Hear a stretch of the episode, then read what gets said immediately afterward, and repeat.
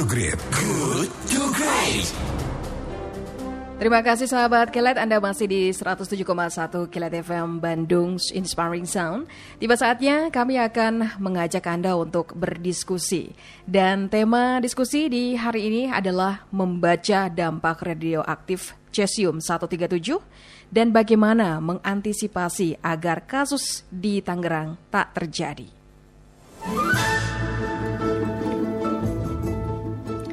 Sahabat Kelet, publik baru-baru ini dihebohkan dengan temuan sebidang tanah kosong di perumahan Batan Indah, Tangerang Selatan yang terkontaminasi radioaktif. Kepala Biro Humas dan Kerjasama Badan Tenaga Nuklir Nasional atau Batan, Heru Umbara mengatakan pihaknya berupaya mengangkut sisa tanah yang terkontaminasi zat radioaktif. Ia mengatakan aparat gabungan yang terdiri dari Batan, Badan Pengawas Tenaga Nuklir Bapeten dan Kepolisian kemarin telah mengangkut 28 drum tanah dari 1000 drum yang ditargetkan uh, maksud kami 100 drum yang ditargetkan akan dibawa ke laboratorium Batan. Sejak lima hari proses penggalian dan pengangkutan, aparat gabungan telah mengangkut total 115 drum dengan kedalaman penggalian hingga 30 cm. Ada lima titik penggalian dan uh, pengangkutan sesuai penemuan lima lokasi cesium 137 oleh Bapeten pada 30 sampai dengan 31 Januari 2020 lalu.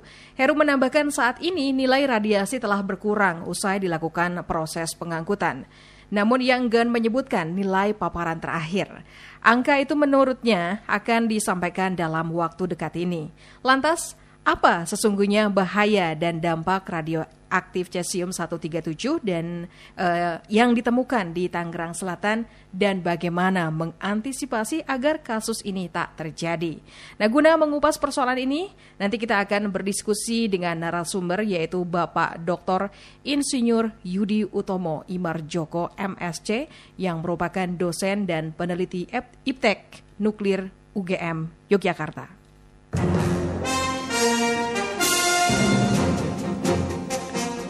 Selamat pagi Pak Yudi.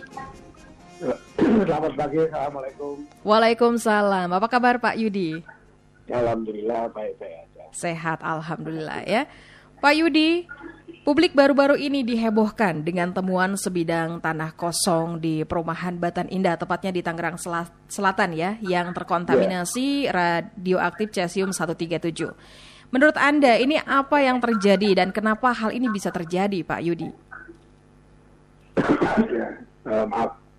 Ya uh, itu ada orang tentu saja yang menaruh di sana membuang di lokasi itu. Uh, tidak mungkin itu datang dengan sendirinya di situ tetapi saya mempunyai keyakinan tinggi ada seseorang atau oknum lah yang tidak bertanggung jawab mm -hmm. yang menyimpan atau membuang di lokasi itu. Oke, okay. ya. Pak Yudi, saat ini Batan tengah menyelidiki asal muasal kebocoran. Nah, menurut Anda, kebocoran ini berasal dari mana? Uh, saya kira itu bukan kebocoran. Kalau kebocoran tentu saja tanpa disengaja. Kalau ini saya pikir diletakkan di situ, jadi ada kesengajaan menaruh atau menanam atau membuang di situ. Dengan kata lain ada pihak yang memang sengaja menyimpan uh, cesium 137 atau radioaktif tersebut. Ya, membuang di situ atau menyimpan atau yang saya anggap orang tersebut atau oknum tersebut tidak bertanggung jawab. Pak Yudi, sebagai edukasi ke publik, apa itu cesium 137? Karena saya sendiri juga awam ya, maksudnya baru mendengar ya, ya. cesium 137 ya. itu apa?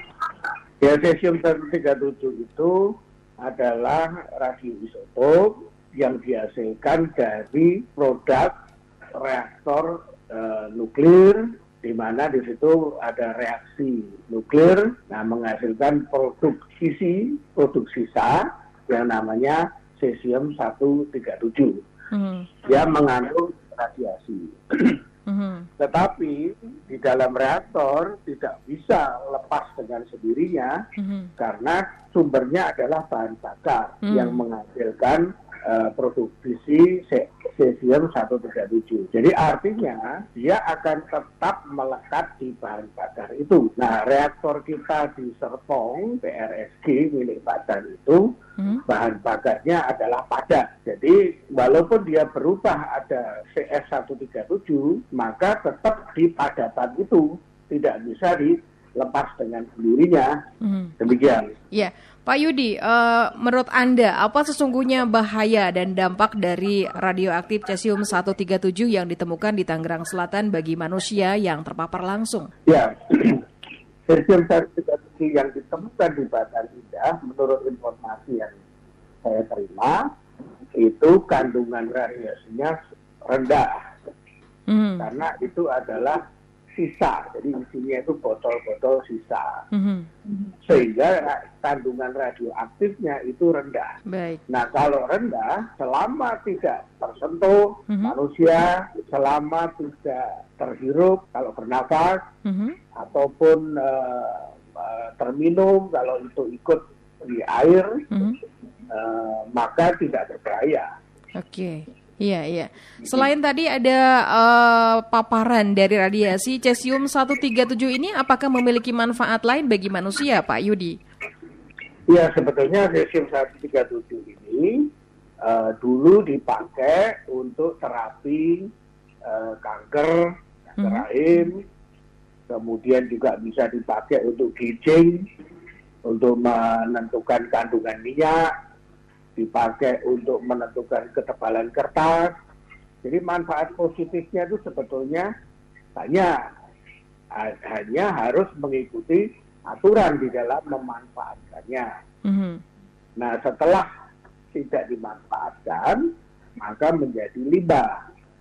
Menjadi limbah pun tidak boleh dibuang sembarangan. Mm-hmm. Dia limbah ini harus diserahkan kepada instansi namanya PTLR hmm. Badan, Pusat Teknologi Limbah Radioaktif Badan. Hmm. Nah, PTLR inilah yang akan menyimpan dengan aman, dengan selamat, sehingga tidak memapar ke publik, gitu. Ya, ya. baik. Pak Yudi, uh, ini uh, tadi kan harus disimpan di PTR Batan. Ini prosedurnya uh, sesuai standar mestinya harus bagaimana jika limbah cesium 137 ini sudah ditemukan, kemudian uh, uh, prosedur yang sesuai dengan standarnya harus seperti apa?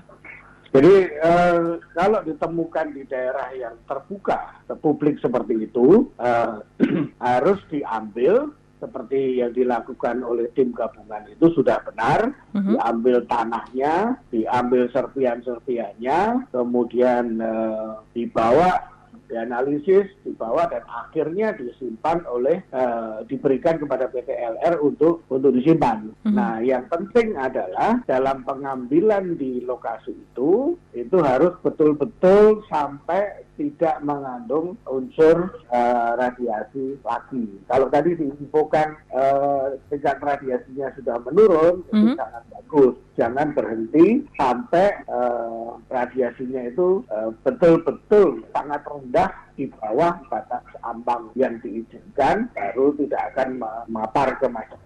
Oke, okay. uh, Pak Yudi, dalam kasus ini menurut Anda siapa sih yang paling bertanggung jawab mengingat masyarakat awam yang tinggal di daerah Serpong tersebut itu merasa sangat khawatir dengan kejadian ditemukannya cesium 137 ini? Uh, yang bertanggung jawab ya tentu saja yang pertama yang membuang tidak benar itu itu harus harus dicari siapa yang melakukan itu. Karena um, kalau dia tahu tentang nuklir mestinya tidak melakukan itu. Tetapi kalau dia tidak tahu tentang nuklir ya jangan menggunakan radioaktif. Jadi mestinya itu ada pihak-pihak yang di luar uh, Serpong yang melakukan tindakan yang tidak bertanggung jawab. Saya tidak bisa mempinpoint siapa hmm. dalam arti manusianya, tapi harus betul dilakukan penyelidikan. Hmm. Uh, nanti akan ketahuan karena bentuknya botol tentu saja akan ketahuan ini dari mana botol ini itu Mhm. bisa dilacak.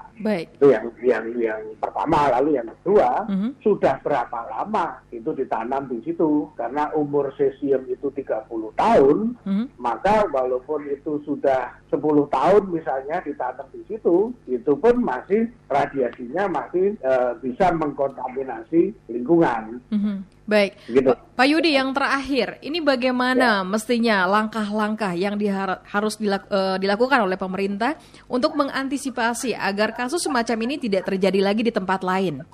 Ya, eh, pertama kesadaran dari pengguna pengguna zat radioaktif itu harus dilakukan sesuai prosedur perundang-undangan, persa Bapeten dan sebagainya itu sudah ada semua. Itu yang pertama kesadaran atas itu. Lalu yang kedua selalu dilakukan monitoring dari pihak Bapeten eh, kepada instansi-instansi pengguna itu sehingga selalu terlacak pada saat ini siapa yang pakai eh, sudah saatnya untuk dilimpahkan atau tidak. Mhm. Nah itu kegiatan rutin itu harus harus selalu tetap dilakukan. Eh, lalu yang ketiga, mungkin juga sumber itu tidak dari Batam, tidak dari Serpong, tetapi ada yang dari impor. Nah, da- kalau dari impor ini pencegahan di, di eh, perbatasan kita juga harus bagus. Jangan sampai ada barang radioaktif masuk tanpa izin kompeten. Jadi Baik. instansinya harus bisa diperluas sampai katakanlah dia cukai itu juga harus me- melihat itu betul jangan sampai lolos masuk ke Indonesia tapi tidak ada perizinan dari eh, Bapeten. Baik, baik. Terima kasih Pak Yudi untuk perbincangan kita di Terima pagi kasih. hari ini. Sukses untuk Semoga Anda. Iya, Ya, selamat pagi. semoga Assalamualaikum. Waalaikumsalam. Baik sahabat kelet demikian perbincangan kita bersama dengan Bapak Dr. Insinyur Yudi Utomo Imar Joko MSC yang merupakan dosen dan peneliti IPTEK Nuklir UGM Yogyakarta. Good to Great. Good to Great.